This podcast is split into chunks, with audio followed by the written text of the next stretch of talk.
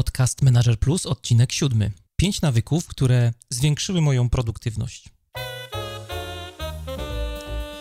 Dzień dobry, witam Was w siódmym odcinku mojego podcastu Manager Plus. Ja się nazywam Mariusz Hrabko i w tej audycji opowiadam o tym, jak zwinnie zarządzać sobą i biznesem. Jeżeli chcecie, żeby coś zmieniło się w Waszym życiu i czujecie potrzebę ciągłego szlifowania swoich umiejętności, zapraszam do słuchania moich audycji.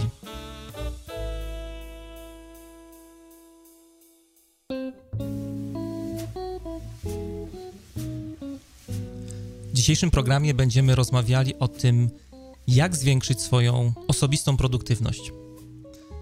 Podam Wam mój magiczny przepis na to, jak być bardziej produktywnym w życiu, jak y, robić więcej, robiąc mniej, jak y, zarządzać efektywnie swoimi codziennymi zadaniami.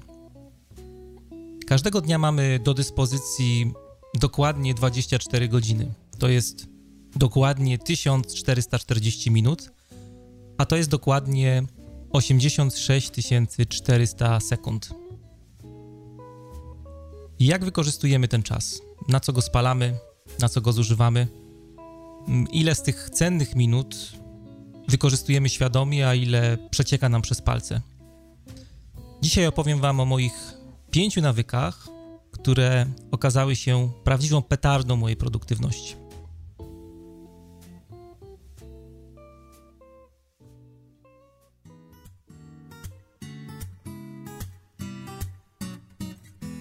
Poradnikowo.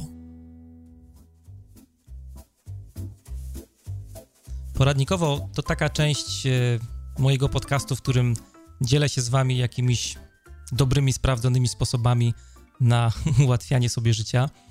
E, dzisiaj będzie rzecz nietypowa, e, bo chciałem Wam zasugerować lekturę jednej książki, którą jakiś czas temu przeczytałem i myślę, że też bardzo dobrze wiąże się z dzisiejszym tematem, tematem produktywności, organizowania sobie życia, czasu.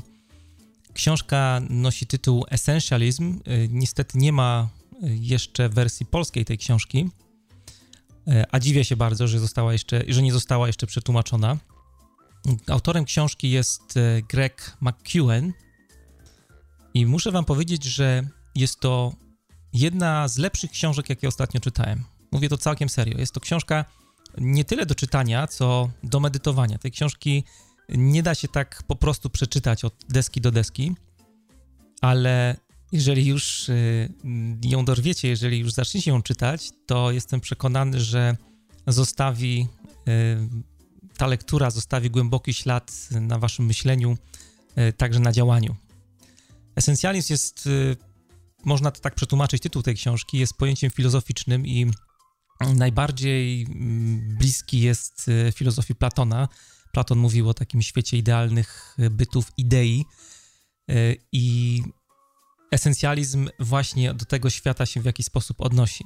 Natomiast to, czym jest esencjalizm w książce, pojęcie, które wprowadził Greg McEwen, o tym opowie wam sam autor przetłumaczyłem dosłownie krótki fragment, który pozwolę sobie odczytać, gdzie Greg McEwen wyjaśnia, o co w tym wszystkim chodzi. Cytuję: Esencjalizm nie polega na tym, żeby robić więcej w krótszym czasie. W esencjalizmie chodzi o to, żeby robić tylko to, co jest dla Was ważne. To nie jest kolejna strategia zarządzania czasem czy technika zwiększania produktywności.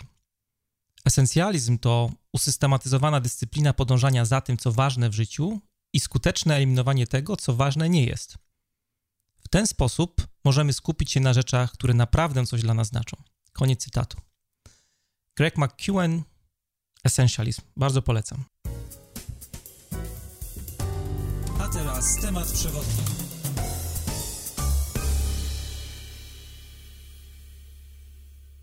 W dzisiejszym temacie przewodnim rozmawiamy o pięciu nawykach, które zwiększyły moją produktywność. Produktywność osobista, może zacznijmy od tego, jest takim y, tematem, który jest dość mylnie postrzegany. Jest dużo mitów na ten temat. Bardzo często, jak obserwuję, produktywność ludziom kojarzy się ze zbiorem jakichś takich magicznych trików, które pomagają nam robić więcej w krótszym czasie. Y, a tak naprawdę, jak y, byśmy tak bardziej przyjrzeli się, wzięli pod lupę produktywność, w produktywności osobistej wcale nie chodzi o to, żeby w konkretnym czasie, w danym czasie, który mamy, zamknąć jak najwięcej zadań czy tematów. W produktywności osobistej chodzi o to, żeby robić tylko te rzeczy, które przynoszą nam jakąś wartość, które mają jakieś znaczenie dla naszego życia. W produktywności chodzi o tym, co wcześniej już cytowałem, chodzi o esencjalizm.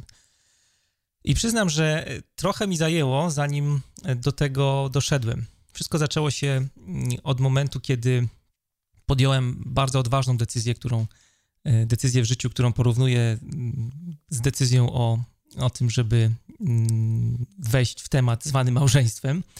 E, ta decyzja dotyczyła tego, żeby zrezygnować z pracy etatowej i zostać tak zwanym e, solo przedsiębiorcą. Nie ma chyba polskiej nazwy na takie bardzo zgrabne angielskie słowo, które się nazywa solopreneur, czyli taki właśnie mm, ktoś, kto jest przedsiębiorcą, przedsiębiorcą właśnie indywidualnym.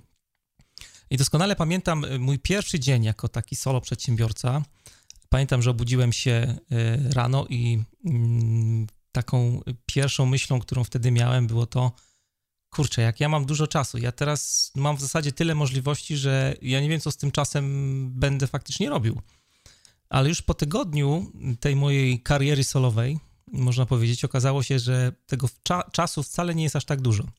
Zacząłem angażować się w różne projekty, bo wydawało mi się, że ten czas jest, ale y, po jakimś właśnie czasie zorientowałem się, że jakoś tak wszystko y, przecieka im przez palce, że ja w zasadzie e, ten czas y, rozcieńczam. Greg McEwen, którego cytowałem w poradnikowie, napisał bardzo fajny artykuł, który się ukazał w Harvard Business Review.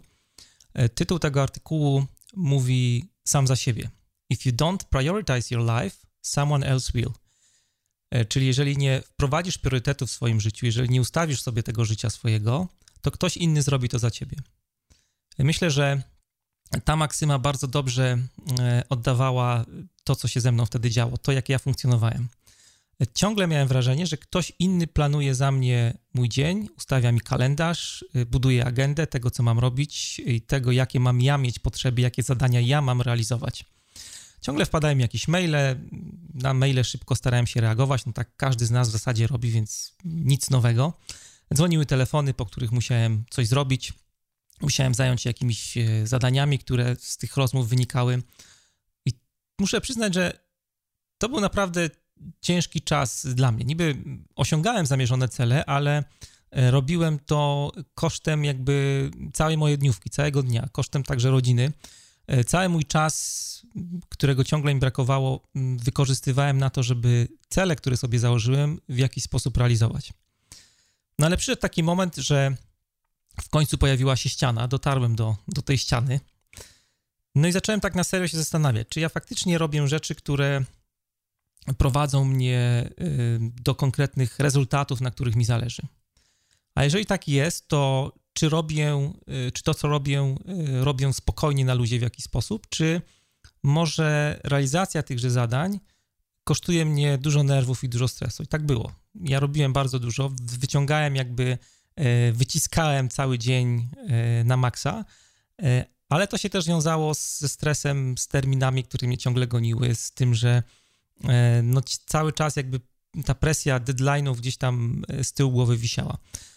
I Wtedy pojawiła się książka, która muszę przyznać, wywróciła e, całe moje myślenie o mojej produktywności, o tym, e, jak ja organizuję swój czas i, i, i życie.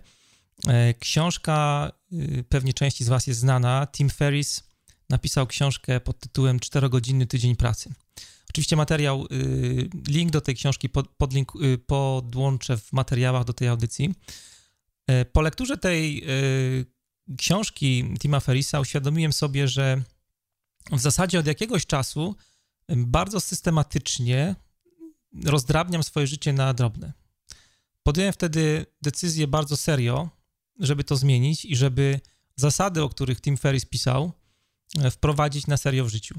Rozmawiam z wieloma osobami o tej książce i e, jak pojawia się ten temat, to wszyscy e, jakby mówią, że no faktycznie książka świetna, fajne zasady, przyklaskują jakby tym pomysłom, ale mówią, że się w życiu ich nie da wprowadzić. Myślę, że jest zupełnie odwrotnie. Wszystko zależy od nas, na ile jesteśmy konsekwentni, na tyle i na ile faktycznie jesteśmy w stanie zdyscyplinować się do tego, żeby zmienić nasze codzienne przyzwyczajenia. Bardzo Wam polecam tą książkę. Dzisiaj chciałem Wam opowiedzieć o pięciu nawykach, które są efektem zmiany, którą między innymi po lekturze książki Tima Ferisa wprowadziłem w swoim życiu. Będę Wam mówił o nawykach, które nie tylko pozwoliły mi być bardziej efektywnym przy realizacji moich codziennych zadań, ale tak na serio zmieniły moje życie zawodowe i to w kontekście mm, właśnie jakby pracy, życie zawodowe i życie prywatne także. E, była to zmiana bardzo gruntowna i też muszę się wam przyznać, że długo czekałem, żeby wam o tym opowiedzieć. Najpierw miałem plan taki, żeby to e, w jakiś sposób opisać, no ale w międzyczasie wymyśliłem sobie nagrywanie podcastu, więc myślę, że to jest też fajne źródło do tego, żeby właśnie wykorzystać to medium do do tego, żeby opowiedzieć Wam o moim systemie produktywności. Zajęło mi to e, około roku, żeby te wszystkie e, pięć nawyków e, wprowadzić, ale bardzo mi na tym zależało. Tyle czekałem jakby z tymi pomysłami, żeby to, co Wam teraz opowiem, nie było oparte tylko na jakichś założeniach czysto teoretycznych. Chciałem poczuć na własnej skórze, jak to jest zmieniać swoje przyzwyczajenia w obszarze właśnie swojej osobistej produktywności. I wydaje mi się, że jednym z takich podstawowych problemów, które my jako ludzie mamy właśnie z wdrażaniem e, systemów, które mają usprawnić nasze codzienne funkcjonowanie, które mają usprawnić naszą osobistą produktywność, jest to, że chcemy to wdrażać całość, całościowo, kompleksowo. Od razu wszystkie nawyki chcemy zmienić naraz, wszystkie przyzwyczajenia chcemy zmienić naraz. Ze mną było dokładnie tak samo. Na początku byłem mocno podekscytowany całym tym tematem produktywności. Jak rozmawiam z osobami, które w ogóle y, też zdecydowały w życiu, żeby coś zmienić w obszarze zarządzania e, zadaniami, pracą, jest bardzo podobnie. Na początku jest e, duża euforia. E, chcemy wprowadzić ten system od zaraz, bo wydaje nam się, że to naprawdę jest prawdziwa petarda, która jakby totalnie, totalnie przeorganizuje nasz czas. Ja dokładnie tak samo myślałem i Pierwszą rzeczą, którą zrobiłem, było to, że podjąłem decyzję, żeby wszystkie nawyki wdrożyć za jednym zamachem yy, od teraz, od zaraz. Minęło kilka tygodni i zgadnijcie, co się stało. Zacząłem zwalniać, straciłem tempo, yy, wytracałem prędkość początkową. Yy, coś się zaczęło dziać z tym jakby moim początkowym zapałem i po niedługim czasie już wiedziałem, byłem pewny, że z tego nic nie będzie, że cały ten system, e, który sobie wymyśliłem, że wdrożę, bierze w łeb, e, wiedziałem, że muszę zmienić podejście. Przyjąłem technikę małych kroków, która sprawdza się w zasadzie w każdym e, obszarze zarządzania zmianą, także tutaj przy zmianie przyzwyczajeń, przy zmianie nawyków. Jest to technika, którą Wam bardzo polecam. I zacząłem skupiać się tą jakby całą zmianę zacząłem od tego, że zacząłem skupiać się tylko na jednym nawyku e, w danym momencie. Wdrażałem tylko jeden nawyk i to wszystko. Jak e, dany nawyk uznałem, że już jest faktycznie, że mm, stał się częścią mojego, mojego codziennego życia, e, przechodziłem do kolejnego. Jak widziałem, że działa, był czas na zmianę kolejnego przyzwyczajenia.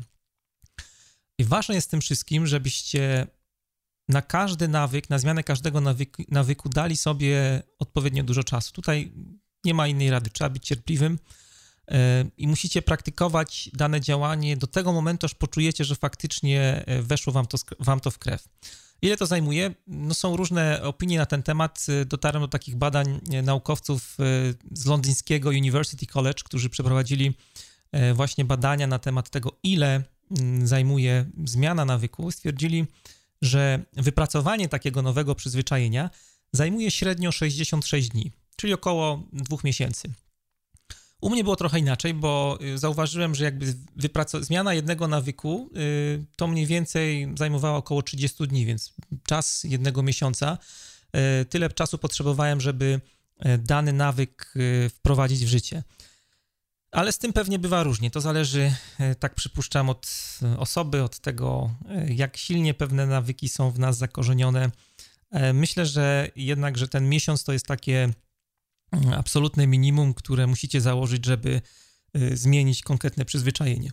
Natomiast ważne jest, jeszcze raz to powiem, żeby mieć świadomość, że ta zmiana wymaga naprawdę dużo cierpliwości i czasu. No więc przejdźmy teraz do nawyków, o których Wam tyle opowiadam. Jest ich pięć. Zacznijmy od pierwszego. Nawyk numer jeden to zbieranie. I to był nawyk, od którego zacząłem budowanie swojego systemu produktywności. Pierwszą rzeczą, którą wprowadziłem, było właśnie wypracowanie w sobie e, nawyku zbieractwa, nawyku rejestrowania wszystkich zadań, które codziennie pojawiały się w, w polu mojego widzenia, w zasięgu e, tego, co robiłem. Tutaj, y, zanim zaczniecie jakby myśleć o tym e, nawyku, o, o wchodzeniu, w, o uczeniu się tego przyzwyczajenia, żeby zbierać zadania, Mam jedną, y, myślę, dobrą podpowiedź, która ułatwi Wam bardzo y, mocno jakby kwestię pracowania nad tym nawykiem. Zanim, y, zanim zaczniecie systematycznie zbierać wszystkie możliwe zadania, które dzień w dzień będą Wam zaprzątały głowę, pomyślcie wcześniej o jakimś sprawdzonym, zaufanym systemie, z którego będziecie korzystać, jakimś takim narzędziu, w którym e, będziecie to robić. To może być zupełnie zwykła kartka papieru, którą będziecie wykorzystywać do rejestrowania tych zadań. To może być Excel, to może być Word, to może być y, Evernote, to może być OneNote, y, cokolwiek. Ważne jest, żebyście sobie postanowili, że będziecie mieli jedno miejsce, taką jedną szufladę, do której będziecie mogli wrzucać na bieżąco wszystkie zadania, które wpadają każdego dnia, które się pojawiają w zasięgu waszego E, w waszego wzroku. To jest bardzo ważne, żeby mieć ten jeden zaufany system do rejestracji zadań. Ja na początku tego systemu nie miałem i e, zadania rejestrowałem gdzie popadnie. E, raz, jak miałem pod ręką papierowy notes, na początku chciałem to robić w notesie, ale mi zupełnie nie wyszło. Mm, więc na początku robiłem to w papierowym notesie. Część zadań trafiała, tak jak obserwowałem, do Evernote'a. Niektóre zadania przyklejałem na biurku. To biurko moje było takie wyklejone po brzegi. E, próbowałem też wyklejać ściany, przyklejałem karteczki też czasami do notesu. E, czasem robiłem to także w telefonie, używając odpowiedniej aplikacji, ale to, był, to była masakra. To był duży błąd, który wam jakby już na początku odradzam, żebyście tego nie robili, bo jakby zarządzanie, panowanie nad tym moim rejestrem zajmowało mi, kosztowało mi dużo energii. Po jakimś czasie w końcu dojrzałem do tego, żeby E, wszystko rejestrować e, w jednym narzędziu. Oczywiście podejścia mogą być różne, możecie sobie e, jakby robić to dowolnie, natomiast w moim przypadku było tak, że takim narzędziem, które wykorzystuję do, wykorzystywałem i wykorzystuję do zbierania i rejestracji zadań jest aplikacja niestety tylko w wersji na Maca. Aplikacja się nazywa OmniFocus i niestety też trochę kosztuje, bo taka wersja podstawowa która w zupełności Wam wystarczy. Y, to jest wersja, y, która kosztuje 39 dolarów, y, ale muszę Wam powiedzieć, że mm, ta aplikacja naprawdę się sprawdza. Jest wersja na telefon, też na iPada. Tych aplikacji jest całe mnóstwo. Mm, tutaj też mogę Wam polecić z takich aplikacji, które są też darmowe na przykład, no to aplikacja na pewno Todoist. Podlinkuję ją do materiału do, tego, do, te, do tej audycji. Próbowałem korzystać z Asany. Y, przy niektórych y, też projektach był taki moment, że właśnie starałem się tą Asanę mm, jakby zaadaptować do mm, korzystania z właśnie jako takiego mojego systemu produktywności, y, ale jakoś tak wydawało mi się, że za dużo jest takiej pracy, którą muszę wykonać konfiguracyjnej, żeby to... Asana jest narzędziem bardziej do zarządzania jakby pracą zespołu, a nie konkretnie narzędziem do zarządzania produktywnością, chociaż oczywiście można ją e, odpowiednio dostosować. Ja chciałem mieć coś, co będzie gotowe, żebym nie musiał mm, za dużo kombinować przy e, konfiguracji tego narzędzia. Z aplikacji takich, które na pewno e, warto polecić, ma bardzo dużo opinii też pozytywnych. Taką aplikacją jest aplikacja Nozbi, która jest rozwijana przez firmę naszego rodaka Michała Śliwińskiego, więc tym bardziej warto ją zareklamować. Jest ona dość popularna, y, jest y, y, też z takich aplikacji dodatkowych, które warto wspomnieć, to na pewno aplikacja Remember the Milk i Wunderlist. To są też takie aplikacje, które przy okazji jakby zarządzania produktywnością osobistą się pojawiają. Wszystkie mm, aplikacje podlinkuję oczywiście w materiałach do dzisiejszego programu. Natomiast a propos aplikacji, tutaj mam jedną taką ważną uwagę. Nie popadnijcie z tymi aplikacjami w jakąś paranoję. Narzędzia są tylko środkiem do celu i nie traćcie zbyt dużo czasu na e, testowanie odpowiednich e, aplikacji, e, jakby później układanie sobie tych wszystkich zadań w tych aplikacjach. Ja też na początku poddałem się tej paranoi i mówię wam o tym tylko dlatego, żeby zaoszczędzić wasz czas. Tutaj nie chodzi o to, żeby mieć super sexy narzędzie, które będzie jakby spełniało wszystkie jakieś najmniejsze wasze oczekiwania, natomiast chodzi o to, żeby faktycznie te zadania e, za, zamykać. Narzędzia są tylko środkiem, środkiem do celu. Są osoby, które bardzo fajnie sobie radzą. Mam kolegę, który zarządza swoją produktywnością używając zwykłej kartki papieru do tego, więc e, narzędzie nie jest tutaj jakby e, kluczem. Posiadanie dobrego narzędzia nie gwarantuje, że będziecie efektywnie y, jakby korzystać z waszego systemu produktywności. Także nie traćcie zbyt dużo czasu na, na narzędzia. David Allen, autor książki Getting Things Done, która również była wielką inspiracją przy budowaniu mojego systemu produktywności. Tutaj przy zbieraniu mm, zadań, które, rejestrowaniu zadań, które wpadają do waszego E, do waszego systemu, poleca bardzo fajną rzecz. Poleca wprowadzanie, wprowadzenie tak zwanych list kontekstowych, e, bo samo zbieranie, rejestrowanie tych zadań wiąże się też e, z odpowiednim ich strukturyzowaniem, kategoryzowaniem, można powiedzieć. Taka lista kontekstowa, kontekst pomaga odpowiednio pogrupować zadania według określonej dziedziny. Na przykład, jeżeli muszę napisać jakiegoś maila do kogoś, to takie odpowiednie zadanie ląduje w kontekście maila. Jeżeli muszę do kogoś zadzwonić, takie zadanie ląduje w kontekście telefony. Jeżeli muszę coś kupić, to takie zadanie ląduje w kontekście zakupy i tak dalej. I tutaj e, kolejna dobra rada, jak już się zaczniecie zabierać za tworzenie, wymyślanie sobie kontekstów, to też rzecz, na której ja się wyłożyłem. Straciłem dużo czasu na wymyślanie idealnego. Ja jestem na co dzień dużym perfekcjonistą, leczę się z tego jak mogę, ale e, jakby w każdym obszarze próbuję e, wszystko mm, maksymalnie podokręcać. E, I tutaj też zacząłem wymyślać wszystkie możliwe konteksty, które mogą mi się przydać, co było totalnym absurdem, bo jak się okazało, że te zadania wpadały, to korzystałem tak na co dzień z pięciu, może sześciu kontekstów, które sobie wymyśliłem. Teraz mam dziesięć i w zupełności od jakiegoś czasu mi to wystarcza, nie dokładam tam dodatkowych klocków. E, także takie zbyt długie zmużdżanie się nad taką idealną listą kontekstową nie ma sensu. Zacznijcie też od małych kroków. Spróbujcie zobaczyć, jakie zadania przychodzą i jak moglibyście je e, odpowiednio kategoryzować. Natomiast nie traćcie zbyt dużo czasu na to, żeby e, takie super listy przygotowywać z kontekstami. To był nawyk pierwszy, gromadzenie rzeczy, gromadzenie spraw. Nawyk drugi, przetwarzanie. Kiedy uda się już Wam wypracować w sobie nawyk e, zbierania zadań w jednym sprawdzonym, zaufanym systemie, jakimś jednym miejscu, jednej aplikacji, narzędziu, kartce papieru, to pozostaje pytanie, co z tym dalej zrobić. Listę takich y, wszystkich zadań, które zbieracie, trzeba na bieżąco przetwarzać. To jest dość ważny nawyk. Ten, y, ten nawyk wcale nie jest łatwy w pierwszej kolejności musicie nauczyć się pamiętać o tym, żeby do tych waszych skrzynek odbiorczych zaglądać przynajmniej raz dziennie. Ja to robię dwa razy dziennie. E, rano, żeby sprawdzić e, też, jaka jest e, pula zadań do zrobienia, jak też sobie ustawić dzień, i wieczorem, żeby zaplanować, co mnie czeka w kolejnym dniu. O planowaniu trochę więcej powiem za chwilę przy, przy okazji kolejnego nawyku, o którym będę Wam mówił. Natomiast przetwarzanie zadań oprócz tego, że musicie regularnie zaglądać do waszych e, skrzynek, zakłada też, zakłada przede wszystkim, że z każdym zadaniem musicie coś zrobić, że musicie go w jakiś sposób e, właśnie przetworzyć. W moim przypadku jest tak, że stosuję cztery typy aktywności, cztery typy zadań odnośnie zadań, które pojawiają się w mojej skrzynce. Zadania, które się wiążą właśnie z przetwarzaniem. Pierwsza rzecz, robię je od razu.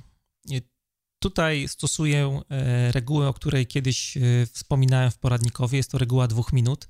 Jest to pomysł, który, e, o którym przeczytałem w książce już wspomnianej wcześniej Davida Allena Getting Things Done. Co ta zasada mówi? Jeżeli dane zadanie może zostać wykonane w czasie krótszym niż dwie minuty, robię to od razu. Tą regułę dwóch minut stosuję nawet w przypadku zadań, które nie mają dla mnie wysokiego priorytetu w danym dniu.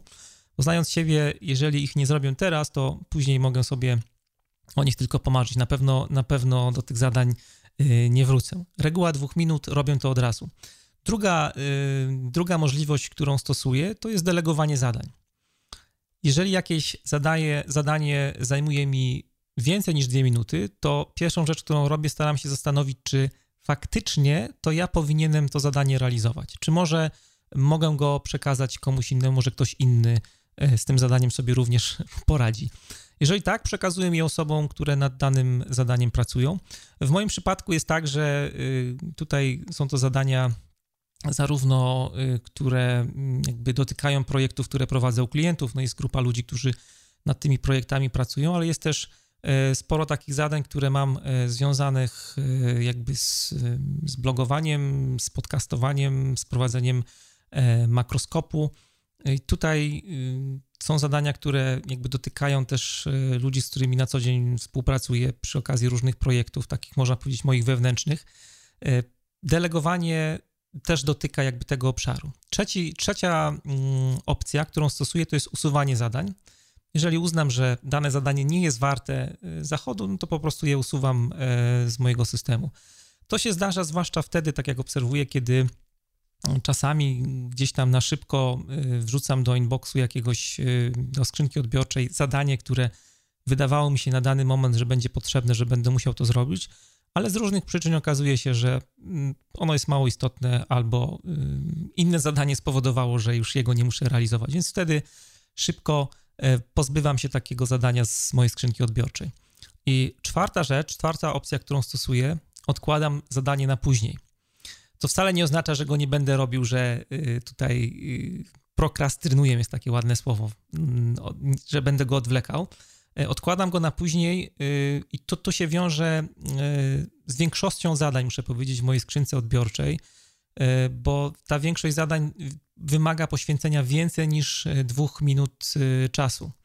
Jeżeli coś wymaga więcej e, niż dwie minuty, nie mogę go mm, zdelegować, nie mogę tego zadania usunąć, bo jest potrzebne, no to wtedy odkładam je najpóźniej. Tutaj takie zadanie trafia do konkretnej listy kontekstowej. Na przykład w tej liście kontekstowej są zadania związane z konkretnymi telefonami, które muszę wykonać. To może być kwestia wideokonferencji z klientem, to może być kwestia przygotowania konkretnej oferty dla klienta, to może być odpowiadanie na maile czytelników, to może być odpowiadanie na e, maile członków zespołu projektowego u klienta i tak dalej, i tak dalej. Wszystkie tego typu zadania wkładam do odpowiedniego kontenera w postaci listy kontekstowej, nad którą później e, odpowiednio pracuję. Jeżeli wypracujecie w sobie nawyk przetwarzania rzeczy, to szybko zauważycie, że będziecie, że wasza skrzynka odbiorcza będzie, y, będzie zawsze pusta. Tak zwany zero, inbox zero. I o to właśnie chodzi. O to przetwarzanie ma doprowadzić do tego, żeby waszej, żeby wszystkie zadania, które macie w skrzynce odbiorczej, były jak najszybciej przetworzone. E, możecie wykorzystać do tego cztery, cztery opcje, o których wspominałem, czyli robienie ich od razu, delegowanie, usuwanie albo umieszczanie w odpowiednim kontenerze.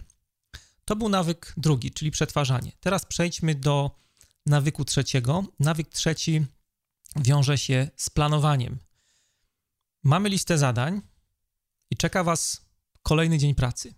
Jak go zaplanować? Czym się zająć w pierwszej kolejności? Co, co, ma największy, co powinno mieć największy priorytet?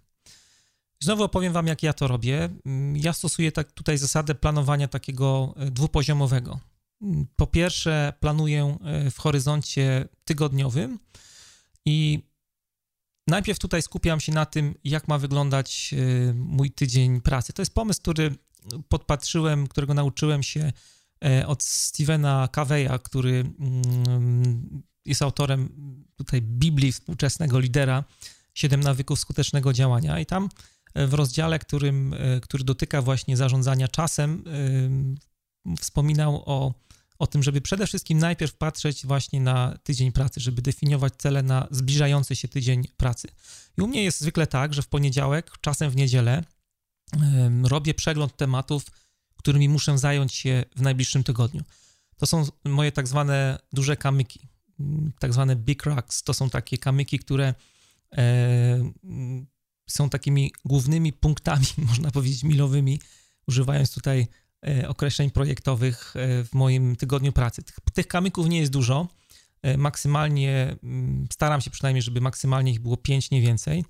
I za każdym razem, kiedy zastanawiam się, co chcę zrobić w danym tygodniu, zawsze próbuję te e, duże kamyki odnieść w jakiś sposób do moich e, celów e, rocznych, celów, które sobie założyłem. Na przykład w tym roku jednym z moich celów, które postawiłem przed sobą, było nagrywanie podcastów. W każdym tygodniu jedno z działań zawsze się jakoś do tego celu odnosi. Mm, o pomyśle tych dużych kamyków też możecie przeczytać w książce kolejnej wielkiej inspiracji mojej. Książka jest do przeczytania w godzinę. Y, książka, książkę napisał e, Leo Babauta. Nie wiem, czy dobrze wymawiam jego nazwisko, może Leo Babauta powinienem wymawiać, pod tytułem Zen to Done. E, książka przetłumaczona na język polski i tak jak powiedziałem, kolejna mm, poważna inspiracja w konstruowaniu mojego systemu produktywności. W materiałach do audycji też podlinkuję e, mm, tę książkę i oprócz tej książki też zamieszczę jeden z wpisów e, na blogu Lio, którym, w którym wyjaśnia on, na czym pomysł dużych kamyków e, polega. Tak jakby ktoś nie chciał czytać książki, to może szybko zerknąć sobie na wpis na jego blogu. E, no dobrze, to było planowanie, mieliśmy planowanie na poziomie całego tygodnia. Drugi poziom planowania, który stosuję, to jak się domyślacie, jest planowanie dzienne. I tutaj od jakiegoś czasu stosuję bardzo prostą zasadę. Na każdy dzień planuję maksymalnie trzy zadania, które wrzucam do y, mojej specjalnej listy kontekstowej, y, która się nazywa lista must do. To jest pomysł, który jest dziecinnie prosty, ale y, po raz pierwszy usłyszałem od niego od Michaela Hayeta, który mm, też pisał o nim na swoim blogu. Mm, do tej listy wpadają zadania, które atakuję zawsze w pierwszej kolejności w ciągu dnia. Choćby nie wiem co, to one muszą być e, zrobione. To takie moje, można powiedzieć, e, duże kamyki na dany dzień. I zawsze tak planuję swój dzień, żeby e, jak najszybciej te zadania mieć z głowy. Mm, czyli duże kamyki na dany dzień, które trafiają do listy kontekstowej Mazdu. Bardzo Wam polecam stworzenie takiej listy. Jak ja zacząłem to stosować, bardzo mocno zmieniło się moje podejście do planowania i priorytetyzowania pracy w ciągu dnia. Też bardzo, bardzo fajna, e, prosta, prosta, dobra praktyka. Więc nawyk trzeci mówił o planowaniu. E, mówiłem Wam o tych dwóch poziomach planowania tygodniowego i dziennego. I teraz przejdźmy do nawyku numer cztery. No, nawyk numer cztery to realizowanie. Ten nawyk jest kluczem do Waszego systemu produktywności. I mówię to całkiem serio z pełną e, świadomością. Możecie być naprawdę mistrzami we wdrażaniu wszystkich pozostałych nawyków, ale co z tego, jeżeli nie będziecie zamykać zadań ze swojej listy? Możecie e, zaczynać, ale, nie możecie, ale możecie nie kończyć. Jest takie chińskie przysłowie, które kiedyś usłyszałem, bardzo mi się spodobało. Od gadania ryż się nie ugotuje. E, co w takim razie robić, żeby faktycznie zamykać zadania? I tutaj Znowu podzielę się z Wami y, strategią, którą, y, którą stosuję. Ona się składa z kilku kroków. Pierwszy krok: wybierz odpowiednie zadanie. W moim przypadku zawsze jest to, jak się domyślacie, duży kamyk z mojej listy, bo on ma na dany dzień zawsze najwyższy priorytet. Zawsze w pierwszej kolejności staram się atakować ten duży kamyk, czy te duże kamyki. Maksymalnie jest ich trzech, trzy y, z mojej listy mm, Mazdu. Drugi krok wyłącz wszystkie przeszkadzajki. To jest bardzo trudna rzecz. Wszystkie przeszkadzajki mam tutaj yy, na myśli powiadomienia na komputerze, w tele, powiadomienia w telefonie, Facebook, Twitter, e, maile. Eliminuję absolutnie wszystko, co może mnie odciągnąć od pracy. Wiem, że to brzmi bardzo hardkorowo, brzmi to dziwnie, ale inaczej po prostu się nie da. Próbowałem to robić e, tak trochę na pół gwizdka, ale zupełnie jest inna jakość pracy, inny poziom skupienia i koncentracji na realizacji zadań, inne domykanie zadań, jeżeli faktycznie jesteście w stanie e, przejść na taką pracę totalnie e, offline'ową. Jeżeli jest wam ciężko i będziecie mieli z tym problem, na początku na pewno tak jest, że będziecie chcieli przy jakiejś tam każdej możliwej okazji, jak was złapie zmęczenie, czy jakaś najzwyczajniej w świecie nuda, będziecie chcieli wejść na Facebooka, przejrzeć tweety na Twitterze, przejrzeć maile. Są takie aplikacje, które mogą was skutecznie leczyć systematycznie właśnie z portali społecznościowych. Jedną z takich aplikacji, którą mogę wam polecić jest Antisocial. Bardzo sprytna aplikacja, która w określonym czasie, który sobie zdefiniujecie, odcina was od wszystkich portali społecznościowych, pozostawiając jednak możliwość korzystania z internetu. Oczywiście poza stronami Facebooka czy Twittera. E, aplikacja w wersji na Maca i na PC, a inna podobna, którą też mogę Wam polecić, to jest aplikacja Freedom. Bardzo podobne działanie, też jest dostępna w wersji na PC i na Maca. Trzeci krok pracuj w 90-minutowych interwałach. O tym pomyślę już Wam e, kiedyś pisałem na blogu. E, w moim przypadku taki interwał jest 90-minutowy, jest optymalny i pozwala maksymalnie skoncentrować się na realizacji zadań. E, tutaj testowałem i technikę pomidora, zresztą podlinkuję Wam wpis na, na moim blogu na ten temat, więc zobaczycie, że te 90 minut najbardziej się sprawdziło technika pomidora kompletnie mi nie podeszła. E, natomiast e, tutaj też bardzo przydaje się posiadanie jakiegoś, nie wiem, stopera. Ja używam na przykład iPada, wyświetlam sobie e, stoper na iPadzie, bo lubię mieć cały czas widzieć, ile czasu mi jeszcze zostaje. Bardzo mobilizująco to działa. Możecie uży używać też telefonu czy, mm, nie wiem, zwykłego stopera, jeżeli taki ma się, posiadacie. Czwarty krok to sytuacje nieplanowane. One będą się zdarzać. Y, też nie, popad nie popadajcie w paranoję. Ja na początku, jak mi coś wyskakiwało, to byłem wściekły, że y, coś, ktoś jest w jakimś stanie, przerywa mój święty czas. No ale też nie dajmy się zwariować.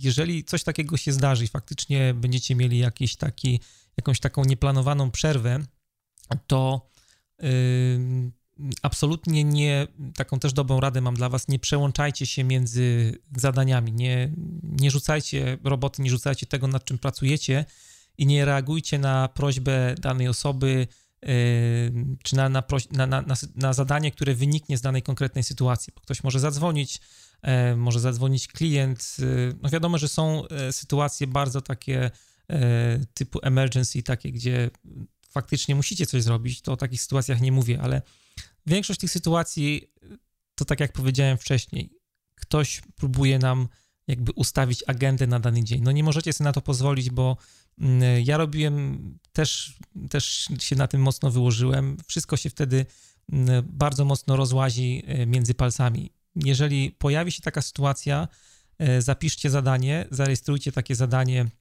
w waszym, e, waszej skrzynce, skrzynce odbiorczej i wróćcie do tego, co wcześniej robiliście.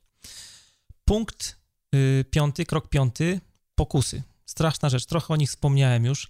Mm, każdy z nas zawsze jak pracuje, z pewnością wy też mieliście coś takiego, że dopada was w pewnym momencie zmęczenie, e, najzwyczajniej w świecie, świecie no, nie chce wam się czegoś robić.